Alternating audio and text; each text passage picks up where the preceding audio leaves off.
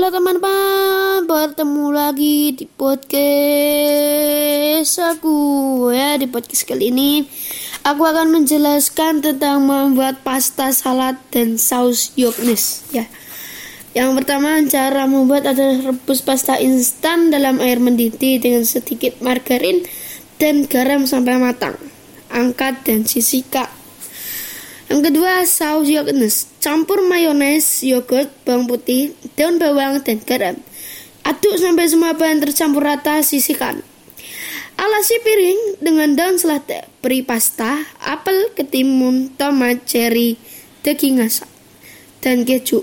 Lalu beri perasan air jeruk, tuang saus cukupnya, lalu taburkan perselisih, sajikan dingin. Ya, ini untuk uh, porsi empat orang ya teman-teman. Dan fungsinya adalah uh, kita mengaduk-aduk dulu bahan-bahannya agar semuanya meresap ke dalam komponennya.